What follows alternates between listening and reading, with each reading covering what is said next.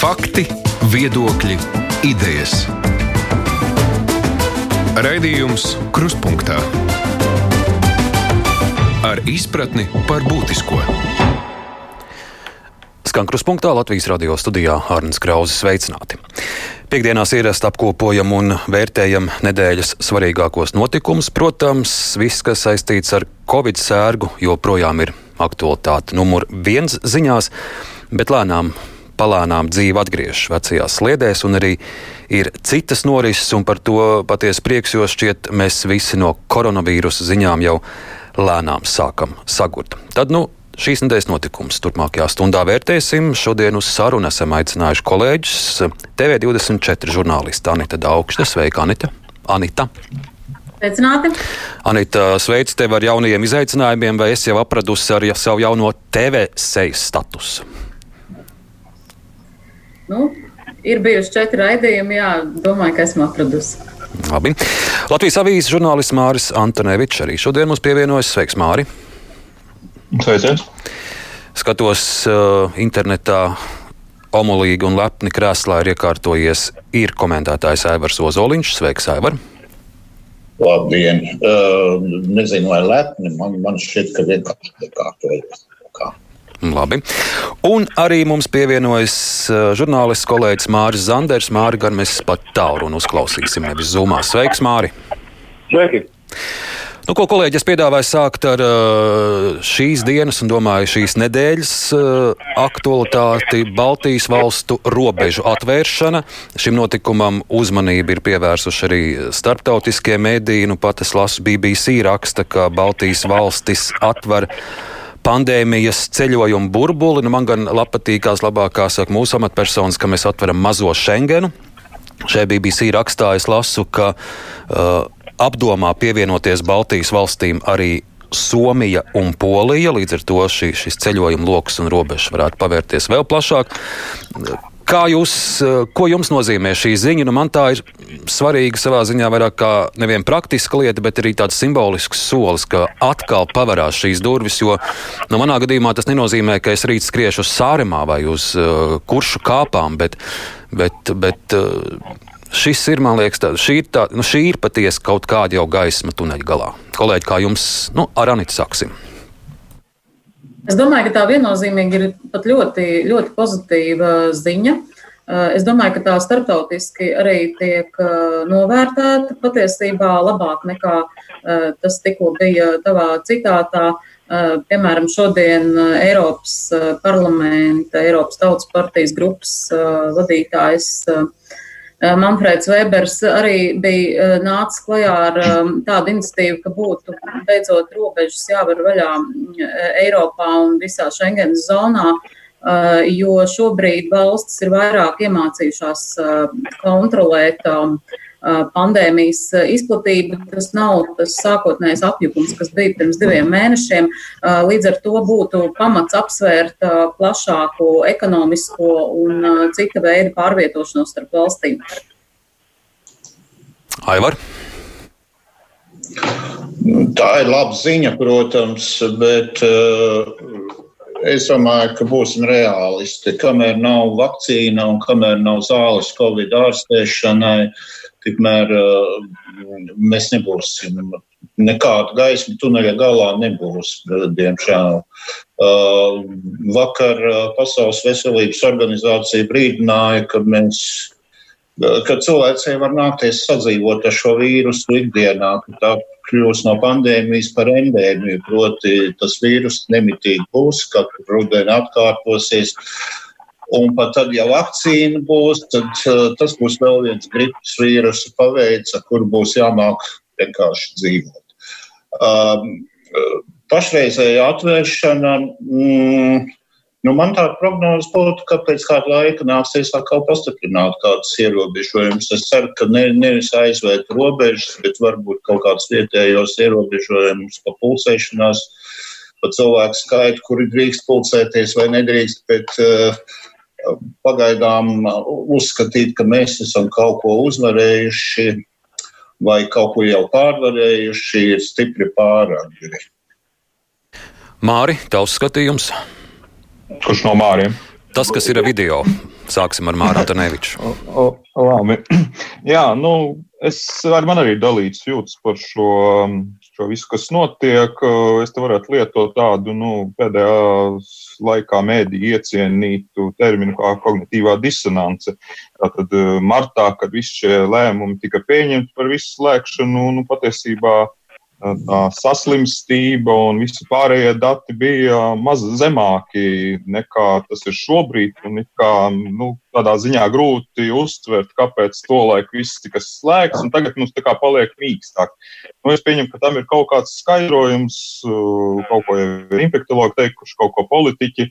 Bet nu, manā ieskatā tas ir mēģinājums tomēr sabiedrībā lēnā, sabiedrībai lēnām teikt, ka nu, uh, Ziniet, varbūt mēs tā iepriekš eh, nesapratām, bet šobrīd saprotam, ka eh, tieši tā tas vīrus tik ātri nebeigsies. Mums ir jā, jā, jāmācās dzīvot, un līdz ar to nu, kaut kā jāsāk mācīties. Tad pamazām mēs taisām vaļā un mēģinām uh, pierast pie tā, ka nu, mēs varbūt mazliet pamainām dzīvesveidu, mazliet ceļojam savādāk. Vienīgais, es nezinu, tas mazā Schengen ļoti skaists termins ir, bet nu, patiesībā jau gluži tā to nevar teikt, jo ir atvērti daži robežu punkti un visa robeža pilnā garumā nav vaļā un joprojām. Jebkurā vietā nevar pāriet tā brīvi pāri. Ir vietas, kur var šķērsot valsts robežu, bet nu, tas arī, protams, ir liels solis priekšā. Jā, nu, Valkas, Valkas uh, robežu punkts šodien ir vaļā. Twitterī es uh, lasu Vēns Armāns Krauklis. Uh, Valks domas priekšsādātājs raksta, ka šodien vai visi Igaunijas plašsaziņas līdzekļu korespondenti ir valkā un intervē Igaunus, kuri ļoti lielā skaitā iepērks Latvijas puses veikalos. Valsts budžetam būs ļoti labs pienesums. Nu, lūk, tādas ziņas no Valkas pēc robežu atvēršanas. Mārcis Zanders, sveiks, Mārcis, tavs pārdoms. Es piekrītu Evaram tādā izpratnē, ka nu, šis varbūt ir simbolisks lēmums un simbolisks solis, bet nekas nav beidzies. Visticamākais, ka, uh, nu, ka kaut kādi ierobežojošie pasākumi atkal atsāksies jūlijā vai augustā sākumā. Un no šī viedokļa tas, domāju, nav, nav sevišķi būtiski.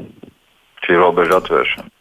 Jo vairāk tāpēc, ka kamēr vispār nav, nav skaidrs, uh, kā notiek, piemēram, avio pārlidojumi, tādā nozīmē sociālā distancēšanās un vispārējie drošības pasākumi, nu, tad nu, nekādas robežas nav atvēršās.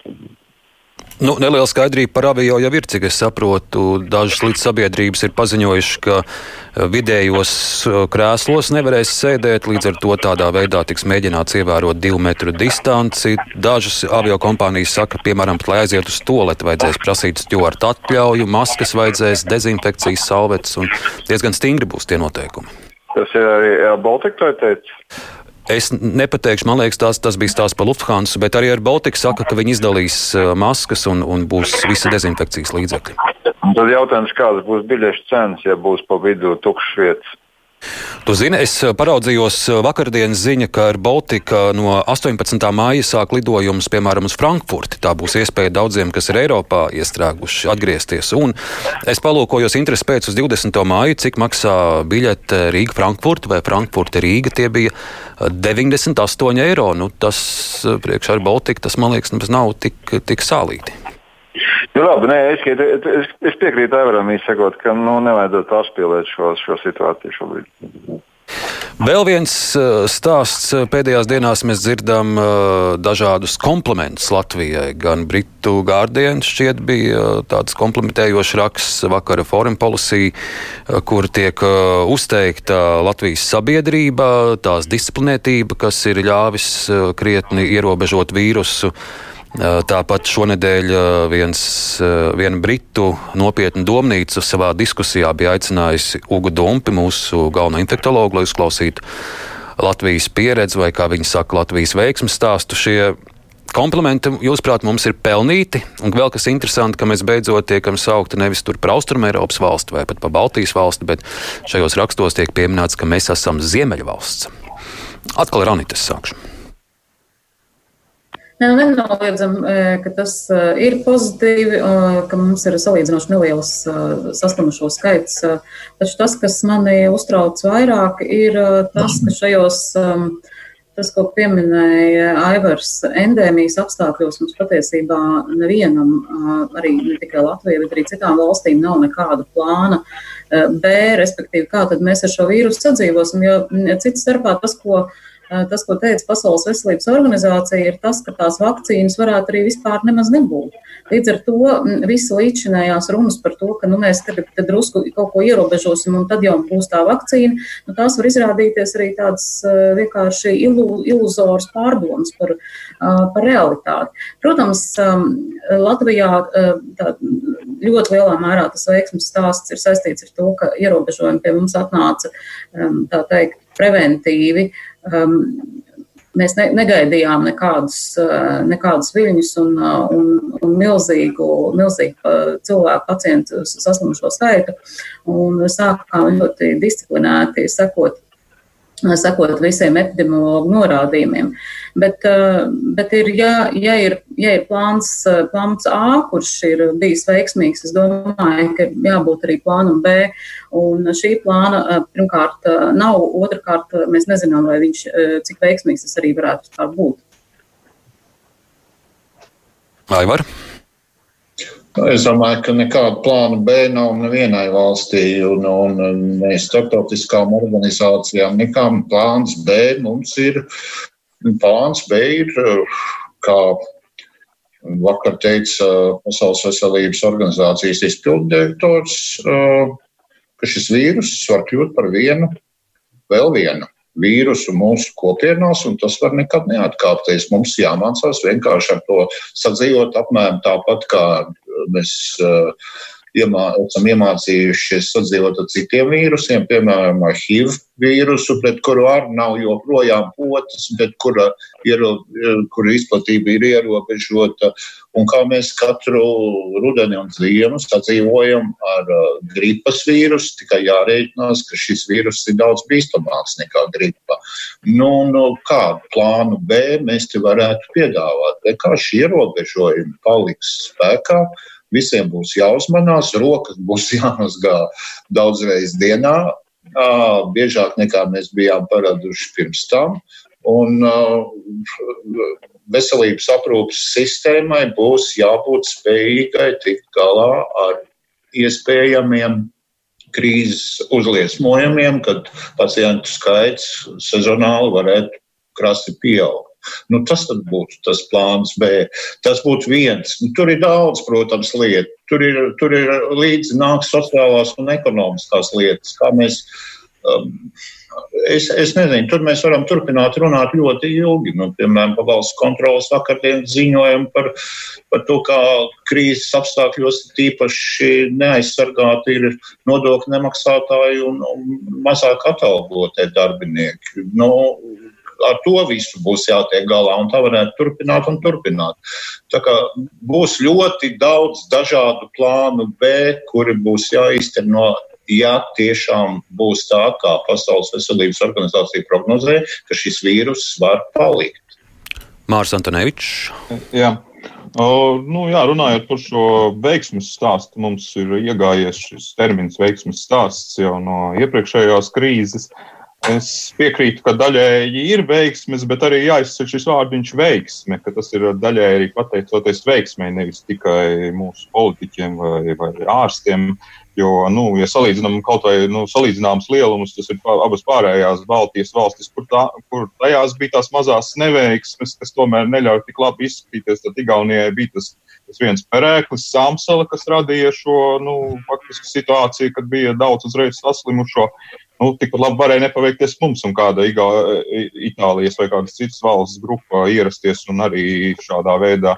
Un atkal Lietuvā, ja es pareizi saprotu, tad tur mazliet tika palaists garām izplatība veselības iestādēs, nu, kur mums attiecīgi paveicās, bet nu, arī var teikt, ka arī soļi tika spērti. Kā, nu, savā ziņā, protams, ir pamatoti, ka mūs tagad arī par mums raksta un izceļ un, un tā. Uh, Bet kas attiecas uz, uz, plānu B vai, vai, vai tālāko notikumu attīstību, nu, manuprāt, infektologi tā ļoti piesardzīgi šobrīd, lai nebiedētu cilvēkus, mēģina teikt, šo, kas būs šis plāns B. Ja mēs tā atmetam nost visu, tad principā tas ir tas pats Zviedrijas variants. Tikai, nu, varbūt lēnāks nekā Zviedri to ir darījuši, lēnāks, vēl piesardzīgāks. Bet tas, ka pamazām ļaut izplatīties uh, šim vīrusam sabiedrībā ļoti mazās devās, pamazām iegūt imunitāti, varbūt ne, ne gluži saslimst, tad es dzirdēju, ka citu jūs rādījā, manuprāt, infektoloģi Vīksne tieši pateica šo ka taisām šos pasākumus, bet ar pietiekami lielu distanci, bet lai šis vīrus, ja viņš arī izplatās, tad ļoti mazās devās. Nu, tur vajadzētu varbūt uh, vēl vairāk infektologiem runāt par šo plānu, lai, lai cilvēki saprotu, jo pagaidām tas ļoti, ļoti minimāli tiek teikts, un it kā mēs tikai tā nojaušam, ka tāds ir tas plāns B. Nu jā, tur tiešām šie skaidrojumi prasās tādi pamatīgāk, lai, lai dažs labs neizdomā, ka viņš grib imunitāti un nesāk, nezinu, veikalu rokturus laizīt vai kaut ko tādu darīt. Bet uh, par šiem komplementiem Latvijai vēl Māris Zanders, kas tev sakāms? Nu, tad drusku tā ir tāda, tāda PR lieta, jo tikpat labi šodien Slovenija paziņoja, ka viņi ir pirmā valsts Eiropā, kas ir pārvarējusi un un pasludināja sevi par uh, koronavīrusu brīvu un, un tā joprojām. Un, kā sacīt, uh, īsi pēc tam uh, Melnkalna teica, ka, ne, ka viņi ir pirmie, ja viņiem neviens gadījums nav. Nu, tā, tas tā, nu, veiksmes stāsti un kurš ir labāks, nu, tas drusku tāds uh, bērnišķīgi. Tikpat labi var teikt, ka vislabāk tik galā. Ja mēs atceramies savulaik, uh, teica pirms kāda laika, ka Singapūra ir veiksmes stāsts un, un izrādījās, ka nav veiksmes stāsts respektīvi, nu, laika, tas, ko atkal jāsaka, Aivars teica, ka laikam ejot, tās situācijas mainās un vecie veiksmes stāsti nav vairs veiksmes stāsti. Vai tikpat labi var teikt, ka Vietnam ir veiksmes stāsts ar citu. Tādēļ es nu, nepievērstu atkal tā uzmanību šiem, šiem paziņojumiem. Tas, kas man savukārt tā kā tas iekšpusē tiek Latvijā nu, teiksim, pierots vai komunicēts, šis veiksmes stāsts, es um, nesaprotu. Uh, neredzu pamatu apgalvojumiem, ka Latvijas sabiedrība uzvedās ļoti disciplinēti. Ok, mēs, protams, katrs dzīvojam savā burbulī un savā sociālajā vidē un geogrāfiskajā vidē, bet, piemēram, tajā vidē, kādā dzīvoju es, es domāju, kaut vai geogrāfiski, es redzu, ka cilvēki nekādu sociālo distancēšanos neievēro. Lūk, šis ir stāsts, kas no kolēģiem jau izskanēja vairāk kārt, ka mums būs jāmācās sadzīvot uh, ar šo vīrusu un šo situāciju iespējams vēl krietni ilgu laiku. Un jau tas, ko aizsāka Māris, jūsu vērojums, kā mums izdodas sadzīvot. Man ir gluži pretēji, es teikšu, vērojumi kā Mārim Zanderam, cik es redzu uh, ļaudis īpaši veikalos. Nu, Es braucu uz veikalu pēc deviņiem vakarā, pēc darba televīzijā, bet, bet arī tur ir diezgan daudz cilvēku. Nav nekādas drūzmēšanās. Šo divu mēnešu laikā neviens man virsū nav uzgrūdies. Uh, nu, pulcēšanās, jā, jāatzīst, uh, pusauģi ir lielākos bariņos un, un Un tur varbūt šī distancēšanās nav. Ja par maskām runājam, šorīt es ar kājām nācu pa puspilsētai cauri uz, uz, uz domu laukumu un, un īpaši vēroju sabiedrisko transportu. Ja pirms trīs dienām varbūt pāris cilvēkiem bija maskas trolēbusā, šodien mans vērojums, ka pusē, es pat teiktu, lielākajai pusē jau bija maskas. Tā kā lēnām, lēnām, bet šeit mēs mācāmies sadzīvot. Kāda ir jūsu vērojuma? Sākšu ar Aivaru šoreiz. Es, es varu, man apmēram līdzīgi vērojami, tā kā tev ar ne.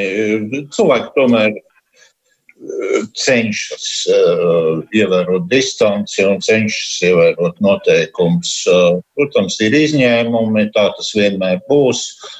Un uh, nedomāju, ka tur, bet, bet, bet nedomāju, ka tur kādu metīsies laizīt uh, durvju rokturus vai speciāli klepot virsū līdzpilsoņiem lielā lielā apjomā. Un, un, un, uh, es domāju, ka pamazām mūsu sabiedrība.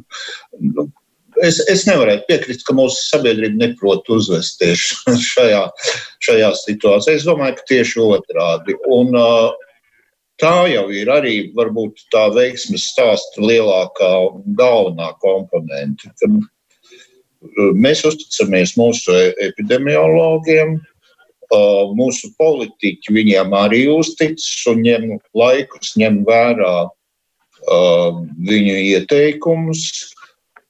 visus tos asummējot kopā, nu, protams, mums arī varēja gadīties tāds gadījums, kā Igauniem Sāremā, kur atbrauc Itālijas komanda. Bet uh, Igauni principā jau citādi ir apmēram tādā pašā līmenī, nu, drošības un veiksmes stāstu ziņā. Uh, jāatskaist to vienu gadījumu. Lietuvieši arī, un tieši tāpēc mēs atveram tagad robežas. Baltijas valstis var savā starpā kaut kā koordinēt šos pasākumus. Es domāju, ka tas ir veiksmes stāsts. Protams, pa īsto veiksmes stāstu varēs runāt, varētu runāt tad, ja šis vīrus būtu izskausts, bet, bet pagaidām tas, ko dara Baltijas valstu sabiedrības un valdības, manuprāt, ir ļoti labi. Jā, vienīgi tas ir. Uz ko es ar tādu nelielu piesardzību raugos, ir šī statistika, kas katru dienu no slimību kontrolas profilaks centra tiek publiskota desmitos uh, rītā. Un, un tas, ko es vēroju, piemēram, šodien uh, jaunu gadījumu reģistrēto skaits nu, pēdējo nedēļu laikā būtiski vairs nemainās. Viena diena ir viens, tikai šodien astoņi, bet atkal nedaudz kāpj saslimušo skaits, kur ir nogādāti slimnīcā. Un, un arī ir trīs šodien ir eh, smagas, smagā stāvoklī. Tā kā būs jāraugās, kā šī statistika attīstās arī pēc šīs dienas ziņas par uh, robežu atvēršanu. Vēl Latvijas avīzes mārs, tev vārds. Jā. Nu, nē, nu par tiem, cik, cik paklausīgi cilvēki mēs jau lielā mērā varam spriest tikai pēc kaut kādiem saviem novērojumiem, cik kurš kādās vietās uzturas un, un ko redz. Līdz ar to nu, arī man nav tādu nu, tādu novērojumu, kur varētu izteikt kaut kādu sašutumu par lieliem pūļiem. Es, protams, kaut ko lasu sociālos tīklos, eh, bieži pieminēto depo slaveno, kur cilvēki esot eh, pārāk daudz. Un, protams, ka tur, kur ir kaut kāda lielāka pulcēšanās, tur ir arī. Pat ja cilvēki ir uh, disciplinēti, tad ir daudz grūtāk ievērot šo disciplīnu, jo līdz ar to tu pat neapzināti kaut kur nokļūsti Un, un, un tad ir jautājums, cik, cik uh, organizatori vai, vai attiecīgi komersanti, kas kaut ko šādu pieļauj, cik viņi ievēro un cik cilvēkiem ir iespējas būt paklausīgiem vai gluži pretēji nu, pārkāpt noteikums arī neapzināti. Um, tas, es domāju, arī būs jautājums vēl ilgi. Un, un, viens no piemēriem, ko mēs esam redzējuši, šodien spriedīsim, ir 9. maija, kur varbūt arī cilvēki nebija neapzinīgi, bet tā kā šis pasākums bija atļauts, tad arī attiecīgi uh, šie noteikumi tika pārkāpti. Anita. Es domāju, ka cilvēki tomēr savā vairumā šos noteikumus ievēro. Pretējā gadījumā tie skaitļi būtu pavisam, pavisam citādāki. Nu, tas ir personiskais novērojums, protams, arī kādas tādas centralizētas statistika ir vienīgi tā, kas mums liecina par saslimšo skaitu. Bet tas, ka ņemot, runājot par tavām bažām par to, ka pieaug saslimšo skaits, viņš, protams, visticamāk pieaugs, jo es piekrītu Mārim um, Antonevičam uh, tajā mm, uh, jautājumā, ka iespējams uh, vispār viss, um, ne tikai Latvijas sabiedrība, bet arī citas valstis virzīsies pamazām uz tā saucamo Zviedrijas modeli, kas tomēr paredz zināmu sociālu distancēšanos. Un, un arī higiēnas prasību ievērošanu, pulcēšanās ierobežojums, bet pilnībā nepārtrauc ekonomisko darbību, arī skolu, arī skolu funkcionēšanu klātienē. Un vai Mārim Zanderam vēl par šo ir piebilstams? Mēs pirmie dzirdējām, ka teica, ka tavs vērojums ir, ka ļaudis neuzvedas disciplinēti. Nu, es palieku pie sava, kā, kā teikt, Valdemāra ielas iedzīvotājs, kurš apgrozās centrā. Un šajā gadījumā es pat nedomāju, ka viņi speciāli negribētu ievērot uh, šos divus metrus. Bet man ir klusas aizdomas, ka vienkārši mēs daudz no mums skolā slikti mācījāmies geometriju, man ieskaitot, uh, tad mēs īsti nejūtam, kas ir divi metri. Tāpēc, ka nu, no šī viedokļa tas, kas bija Lielbritānijā, bija šī, šī visa skaidrošanas kampaņa, kas bija ļoti vienkārši saprotama, izstiepiet slots un tad sapratīsiet tikai divi metri. Uh, es pieļauju, ka šādiem piemēriem tas ir labāk nekā vienkārši pateikt divus metrus, kurus neviens teikt, dzīvē nu, sen nav mērījis. Ja? Tādēļ es domāju, ka es varēšu teikt, nevis tāpēc, ka cilvēki būtu nejauki, bet tāpēc, ka mums ir grūti saprast, kas ir divi metri. Un es palieku pie tā, ka nu, centrā ļoti bieži tas netiek ievērots. Nu, par to Mārim var piekrist arī no tā, ko es redzu, bet kolēģi pabeidzot šo stāstu par Covid, jo tiešām vēl ir citi temati, par kuriem mums gribas runāt. Uh, Jūs vairāk jau pieminējāt uh, vakcīnas un vakcīnas kā, kā iespēju no visas šīs pandēmijas iziet. Uh, ja es paraugos sociālajos tīklos un paskatos dažādos burbuļos, uh, ir diezgan liela ļaužu daļa, Facebookā, piemēram, kuri nemaz nebūtu negaida šīs vakcīnas. Gluži pretēji, viņi biedē, ko, ko tik ar tām vakcīnām nedarīs un kā tik te Bills Gates tūlīt nesāks mūs visus čipot un tā tālāk. Līdz ar, līdz ar, ar katru dienu mans vērojums kā turpinās šī krīze, arvien lielāks beļās arī šis viltu ziņu vilnis. Ko un vai vispār kaut ko mēs tur varam iesākt un darīt? Anita. Nu, pret Nu, zināmā mērā es domāju, ka viltus ziņas tas ir neizbēgama sastāvdaļa, diemžēl, un tur mēs neko darīt nevaram. Nu, bet man liekas, ka tur tomēr jāatdala šis stāsts par, par vakcīnām un par to saucamo čipēšanu. Jo es pieņemu, ka varbūt kādam šķiet, ka čipēšana ir arī tas, ko šodien stāstīja Krišjāns Kariņš par šo aplikāciju telefonā, kas ļaus izsekot Covid slimniekus, viņu kontaktpersonas. Un varbūt, varbūt kāds to šādā veidā ir uztvērs. Bet, um, bet kas attiecas uz vakcīnu, tiešām tie stāsti ļoti dažādi, un mēs taču zinām, ka savulaik bija ļoti izteikta uh, pretvakcinēšanās kustība. Respektīvi, tiek izplatīti stāsti, un tas pat nebija saistīts nekādā veidā ar Covid. Tas bija, tas bija saistīts ar, ar, ar bērnu vakcināciju, un, un šie stāsti bija ļoti intensīvi. Gan Facebookā, gan citos sociālajos, sociālajos tīklos, cik skaitīgi ir vakcinēšanās. Um, šobrīd jautājums par to, vai visi cilvēki uh, piemēram, pat ja šāda vakcīna būs, un nu, viņi pieņemsim, ka viņi būs pēc pusotra gada, jo nepieciešami klīniskie pētījumi, pieņemsim, ka viņi būs. Um, nu, jautājums, vai visi cilvēki piekritīs vakcinēties, un cik lielā mērā uh, valstu valdībām ir tiesības. Uh, teiksim, uzlikt par pienākumu šo vakcinēšanos un nepadarīt to par, piemēram, par brīvprātīgu pasākumu. Aivars Ozoliņš. Piekrītu Anitai, ka šī neatņēma mūsu šādu situāciju sastāvdaļu, bet es nepiekrītu, ka ne, mēs neko nevaram darīt. Uh, pa pirmo, jā, nu, diemžēl katrā sabiedrībā vienmēr ir daļa cilvēku, kuri, uh, kuri sliedz savu nespēju tikt galā ar savu dzīvi tā, kā viņiem gribētos, izskaidrot ļoti vienkārši ar to, ka kāds cits ar viņiem manipulē un citi nosaka, uh, citi nosaka kā viņam jādzīvo un visas lietas pasaulē, uh, kā tām ir jānotiek. Uh, tās ir tā dēvētās sazvērstības teorijas domāšana, domāšanas paraugi. Uh, bet mēs, protams, varam kaut ko darīt, jo mēs zinām, ka šis šis ir nevis vienkārši tikai psiholoģiskais stāvoklis daļai cilvēku, bet gan arī mērķiecīga propaganda no atsevišķām valstīm, kurām uh, šī ir laba situācija, lai kurinātu paniku, nedrošību, izmisumu un, un, un darītu visu, lai mums kaitētu. Un labākais līdzeklis pret to ir ne jau kāda cenzūra, bet vienkārši maksimāli daudz, maksimāli precīzas informācijas, kuru jāsniedz gan valdībai, gan mēdījiem un žurnālistiem. Es domāju, ka mēs pret to varam kaut ko darīt. Aivar, man te lūgums pacēla augstāk nedaudz kameru, citādāk mēs tev tikai līdz degunam redzam. Bet tikmēr Mārs Zanders, eh, tavs pārdoms par viltu ziņām un vakcīnas stāstiem. Nu, es neko jaunu nevaru pateikt tādā ziņā, ka skaidrs, ka visos laikos ir bijuši un par jebkuru tēmu sazvērstības teorijas vai vismaz nu, tādas ļoti ekstravagantas teorijas. Nu, Galu galā ir. Es, es personīgi pazīstu cilvēkus, kuri uzskata, ka zeme ir plakana. Un, un nu, ko padarīs? Nu, tad, tad ir plakana. Nu.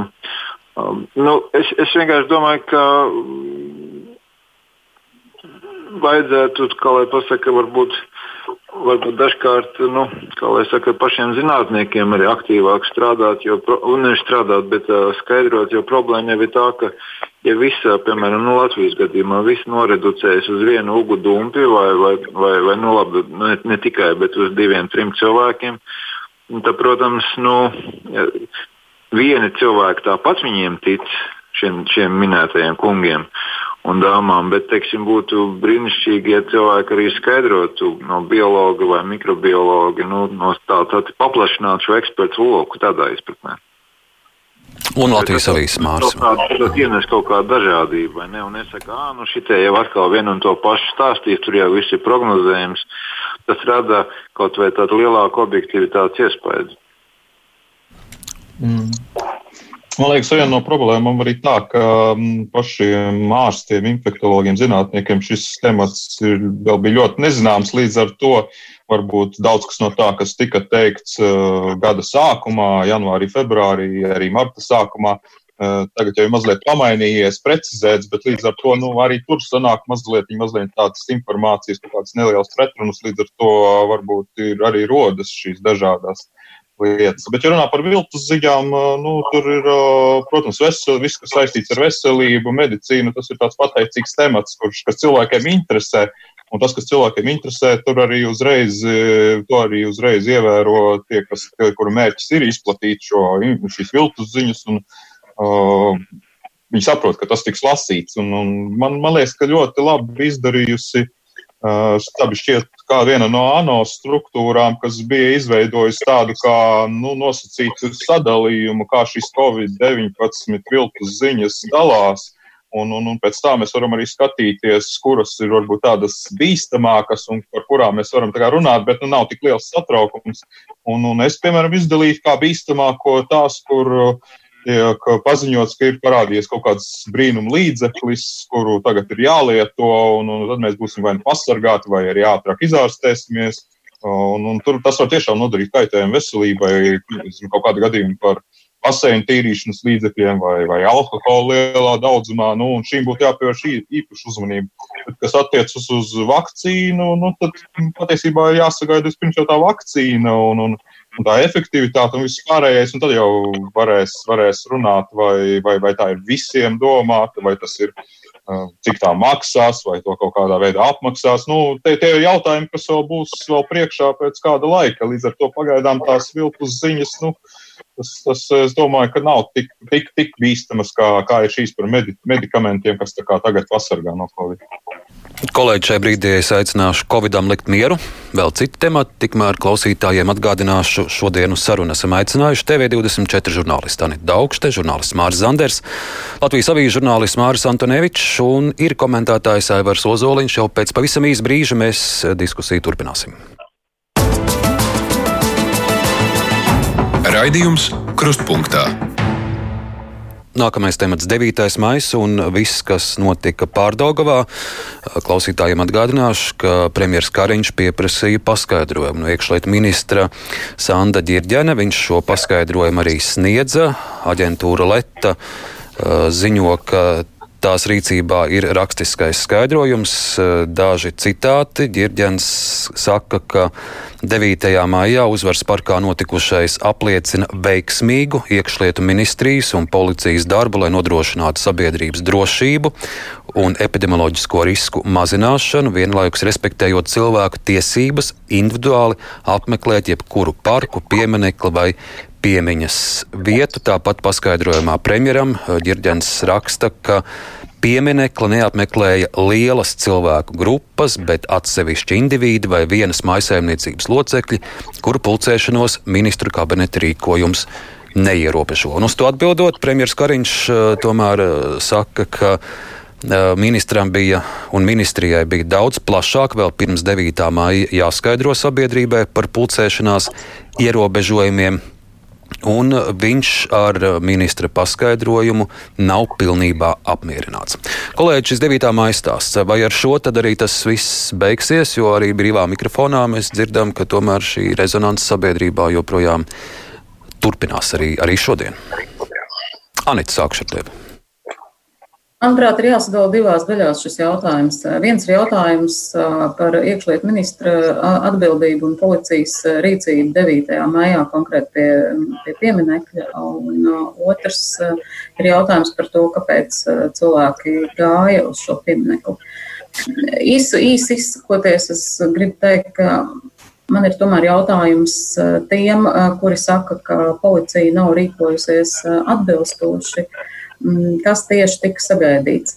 Vai, piemēram, policijas aktīva iejaukšanās vedot uz busiņiem tos, kuri būtu it kā tie, it kā tie pārkāpēji, vai kādu, kādu reakciju tas būtu izsaucis pār, pārējos un kādā veidā tiktu vispār notiktu šī turpmākā, turpmākā darbība un kāda būtu izveidojusies situācija pie pieminekļa. Tas, ka mums ir realitātē divkopienu sabiedrība un šādā sabiedrībā šis 9. maijas tiek uztverts pilnīgi dažādi, dažādās sabiedrības grupās. Tas taču nav nekāds fakts, un, un, un lai ko tur arī neskaidrotu ķirģents, nu, viņš šo situāciju nevarēja nekādā veidā izlabot. Tā kā es domāju, ka tas aizvainojums savukārt no tiem, kas 4.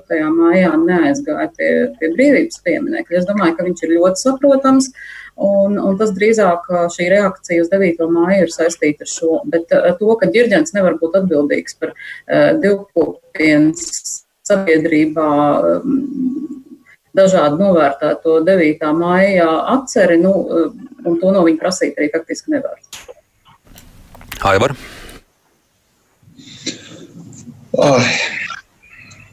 Es gribētu, lai tā pieminiekļa tur nav, lai visi Latvijas pilsoņi ir Latvijai lojāli patrioti. 18. Mm, novembrī un 4. maijā visi vienojas valsts himnas dziedāšanā pie brīvības pieminiekļa, bet 9. maijā atzīmē Eiropas dienu. Vai mēs to šodien panāksim? Es šaubos. Vai mēs to panāksim tuvāko dažu gadu laikā? Es arī stipri šaubos. Uh, Tāpēc šis sašutums par to, kas notika pie, 9. Pie 9. maijā, pie tā pieminiekļa, nu, kur patiesībā nenotika nekāda. Man, man jau rūp, vai, vai tas apdraudēja līdzpilsoņus tādā ziņā, ka tur varētu izplatīties vīruss. Droši vien, ka apmēram tikpat daudz, cik veikalā depo, bet par depo mēs tomēr neprasām atkāpties nevienu ministru. Um, nu, depoju šeit lieku pēdiņās, proti drūzmēšanos kaut kādos veikalos. Uh, Um, Anita ir labs punkts, uh, bija labs punkts par to, ka ko mēs tieši gaidījām. Acīm redzot, daļa sabiedrības gaidīja, lai tur ar stekiem daudz krievus. Nu, ar to tad, kas, kas būtu atrisināts. Es nezinu. Aivar, piedod, es domāju, šeit varbūt nedaudz pārspīlēt par tiem stekiem un daudzīšanu, bet tas, ko es lasīju, ka daļa gaidīja, ka, piemēram, nu, kāds eh, žoks tiks uzlikts ap pieminiekli, nu, līdzīgi kā 16. martā brīvības pieminekli tāds bija redzams. Cita lieta, kas atkal notiktu pie šī žoga, tad nu, gan tur droši vien drūzmēšanās būtu liela. Tā lieta, ka žoks eh, neatbrīvot no aizvainojuma sajūtas eh, daļu cilvēku. Tāpat būtu bijis pamazs, tāpat būtu vajadzējis viņu strēnkāt. Tas būtu kaut kāds gandarījums. Es gribētu atgādināt mācītāju Juru Rubeņu savulaik teikto, ka aizvainojums dara mūs vājus.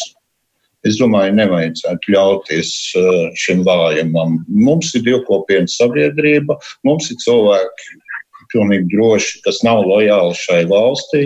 Mums ir uh, cilvēki, kuri dzīvo Krievijas propagandas telpā. Un kā mm, uh, valsts drošības dienesta priekšnieks Mešvietis nesen teica intervijā uh, TV3, uh, tad uh, Krievija mēģina uztaisīt 9. māju par tādu kā kvazi reliģiju. Un, uh, nu, labi, nu, varbūt kamēr viņi nerīkojas uh, pret šo valsti, pret mūsu valsti, tikmēr ļausim viņiem tur krist ceļos pie, pie, pie, pie, pie tā stāva. Nu, kas mums par to? Nu, Mārcis Zanders, Māri, tev vārds.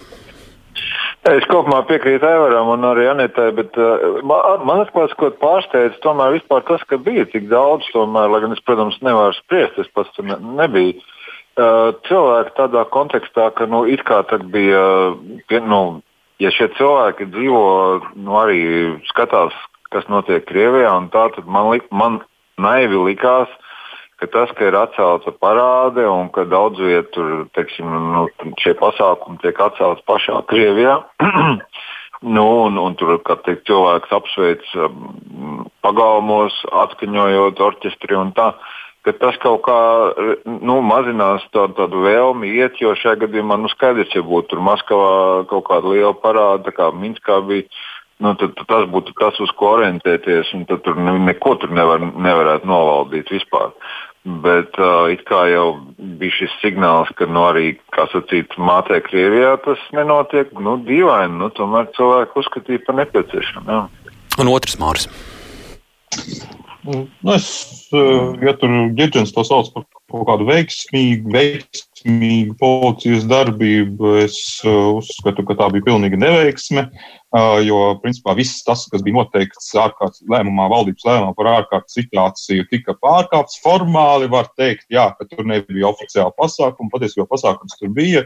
To varēja redzēt gan bildēs, gan klātesot, ka tur notiek pasākums, kur vienkārši nav oficiāla organizatora, bet ir tāda grupas, kas, kas, kas pašas, pašas atnāk un visu tur organizē. Divi metri tur tika pārkāpti.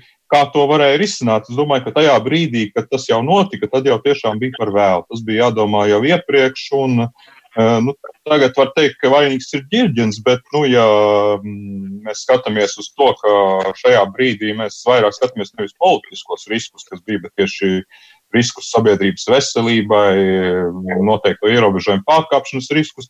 Tad šo jautājumu varēja arī iepriekš apspriest uh, augstākā līmenī. Es nezinu, vai tas tika darīts. Nacionālās drošības padomas sēdes mums nav atklātas.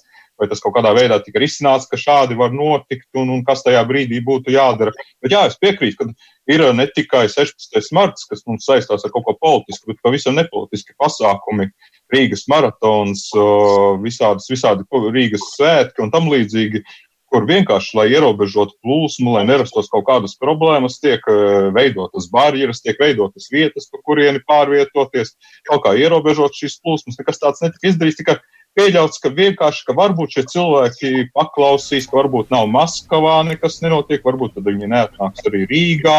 Nu, es to uzskatu par izgāšanos, un, un, un šajā ziņā es, protams, piekrītu Kariņam, kurš, kurš novērtējis attiecīgi ģirģina paskaidrojumus, bet cita lieta, ka varbūt Kariņam vajadzēja tomēr jau pirms tam vērsties pie ministra un prasīt, vai tu esi gatavs šim uh, pasākumam un tādam variantam, ka ieradīsies vairāk nekā 20 tūkstoši cilvēku. Paldies, Māri. Eh, kolēģis aicināšu jūs būt kompaktākiem, jo vēlos vēl pieminēt divus politiķus un apspriest, un tas ir Mārtiņš Bondars un Ilza Viņķela. Ar Mārtiņu Bondaru sāksim, tātad klausītājiem atgādināšu, ir stājies spēkā spriedums par 15 miljonu eiro solidāru piedziņu no Latvijas Krājbankas bijušajiem valdes locekļiem, to skaitā ar Mārtiņš Bondars. Eh, šobrīd ir sākusies eh, neliela tādas svārstības attīstībai par iekšienē. Daļa Bondara kolēģi kolēģu uzskata, ka viņam būtu jāatstāj saimas budžeta komisijas vadītāja amats. Bondars līdz šim ir paziņojis, ka neko tādu viņš negrasās darīt.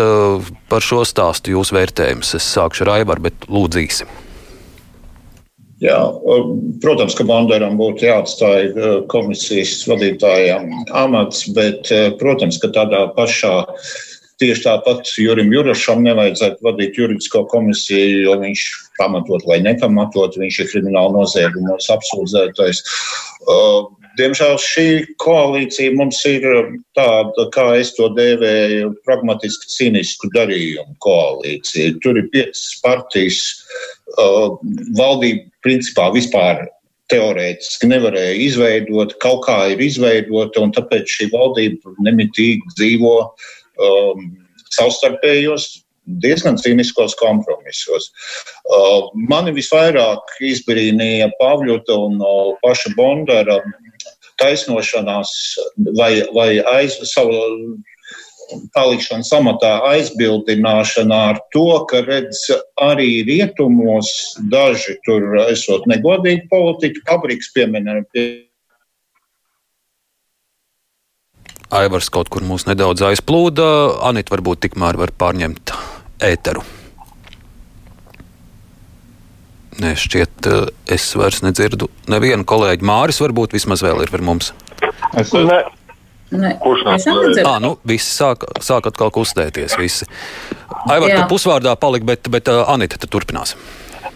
Uh, jā, es domāju, ka tas uh, risinājums, pareizākais risinājums būtu tas, ka Mārtiņš Bondars atkāptos uh, pats no amata, bet es, bet es arī saprotu to, ka šī koalīcija būtībā sevi ir iedzinusi stūru, stūrī runājot Aivaru vārdiem, paļaudamās uz dažādiem ciniskiem kompromisiem. Tā kā tāda risinājuma, ka Bondars pametīs Sēmu budžeta komisijas vadītāja amatu un Juris Jurašs juridisko komisiju, es domāju, ka tas nenotiks tuvākajā nākotnē. Mārs Zanders. Nu, ja pavisam īsi, es uzskatu, ka, jā, ka būtu pareizāk, ja, ja Bonders atkāptos no šī posteņa. Cik lielu tu sagaidi spiedienu attīstībai par iekšienē? Tie būs varbūt pāris cilvēki, vai tur tā grupa varētu būt diezgan liela, kas uzskata, ka, ka Bondaram būtu jāatstājas no matu? Man ir grūti spriest, tāpēc, ka tur smaigās tiešām situācija mainās, jo, jo nu, vēl pirms kaut kā, kā nu, tagad sanāk, pirms kaut kādas nedēļas, kad vispār šī ziņa parādījās, tad, nu, tomēr pārsvarā bija viedoklis, ka nē, ka nav jāiet prom. Nu, man grūti spriest, nē, es runāju kādu nedēļu, tagad neviena, ne, nevien, ne ar vienu no AP cilvēkiem. Un otrs māris.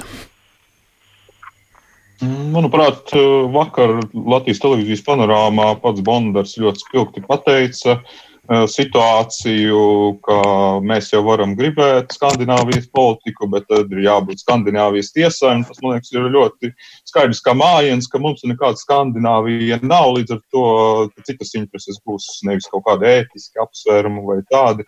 Un arī attīstībai par, kur varbūt ir dažādi viedokļi un dažādas grupas. Nu, tur jau ir pietiekami daudz grupu jāpēsti, lai nepēstu arī vēl vienu.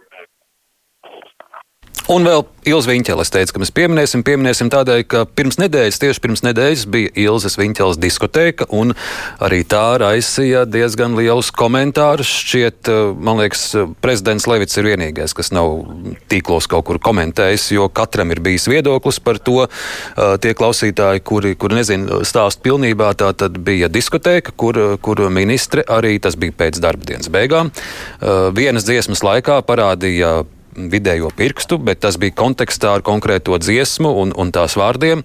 Bet nu, pietika ar šo vienu sekundi, lai, lai dažos tas raisītu šoku, neizpratni, dusmas. Citi savukārt gluži otrādi teica, ka tā ir ministri ir cilvēcīga un, un, un, un, un, un, un neko briesmīgi viņi nesaskata. Kas jums ir sakāms par šo, par šo visu uh, situāciju? Vai, vai, vai redzējāt šo stāstu? Es varbūt ar Aivaru tagad sākšu. Eh, prezidents Levits nav vienīgais. Es arī neredzēju šo stāstu, un man pilnīgi nav nekas sakāms. Manuprāt, tās ir lielas muļķības. Eh, katrā ziņā šī vārīšanās mums vajadzētu. Nu, var jau būt, ka ministrē jāpiedomā par savu eh, tēlu, vai ir vērts, nu, es saprotu, viņi gribēja cilvēciski mazliet uh, ļaut citiem atslābināties. Pa kādiem tur žestiem ir runa, man pilnīgi nav nekāda priekšstata. Bet, bet es domāju, ka tās ir lielas muļķības un ne jau par to vajadzētu mums te vārīties. Anita? Nu, um, Latvijas vēsturē, politikas vēsturē ir vairāk gadījumu, ka politiķi dažādu žestu dēļ ir pametuši, pametuši savus amatus. Es domāju, ka šajā situācijā Ilza Viņķela ļoti glābj tā, um, tas stāvoklis un viņas uh, amata nozīme valdībā, lai tam netiktu pievērsta tāda kategoriska uzmanība ar kaut kādām kategoriskām prasībām attiecībā uz atkāpšanos no amata. Māris Zanders.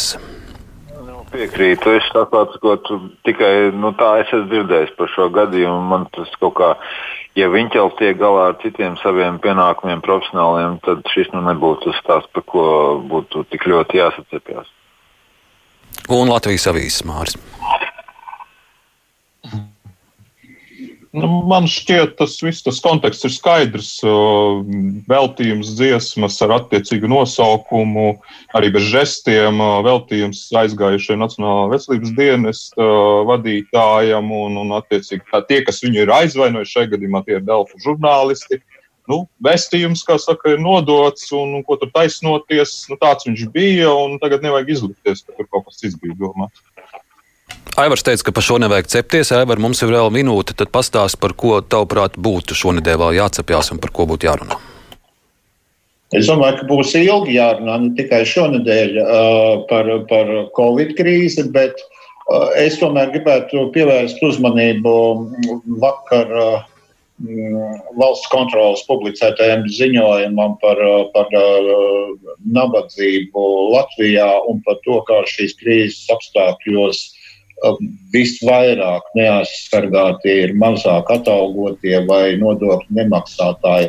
Aivar, piedod, bet šajā brīdī man būs jā, jāliek punkts, jo tūlīt jau jaunākās ziņas kruspunktā izskan producente Evija Unāma, studijā bija Arnas Kraus, lai augsts brīvdienas. Paldies, kolēģi! Fakti, viedokļi, idejas. Raidījums Krustpunktā ar izpratni par būtisko.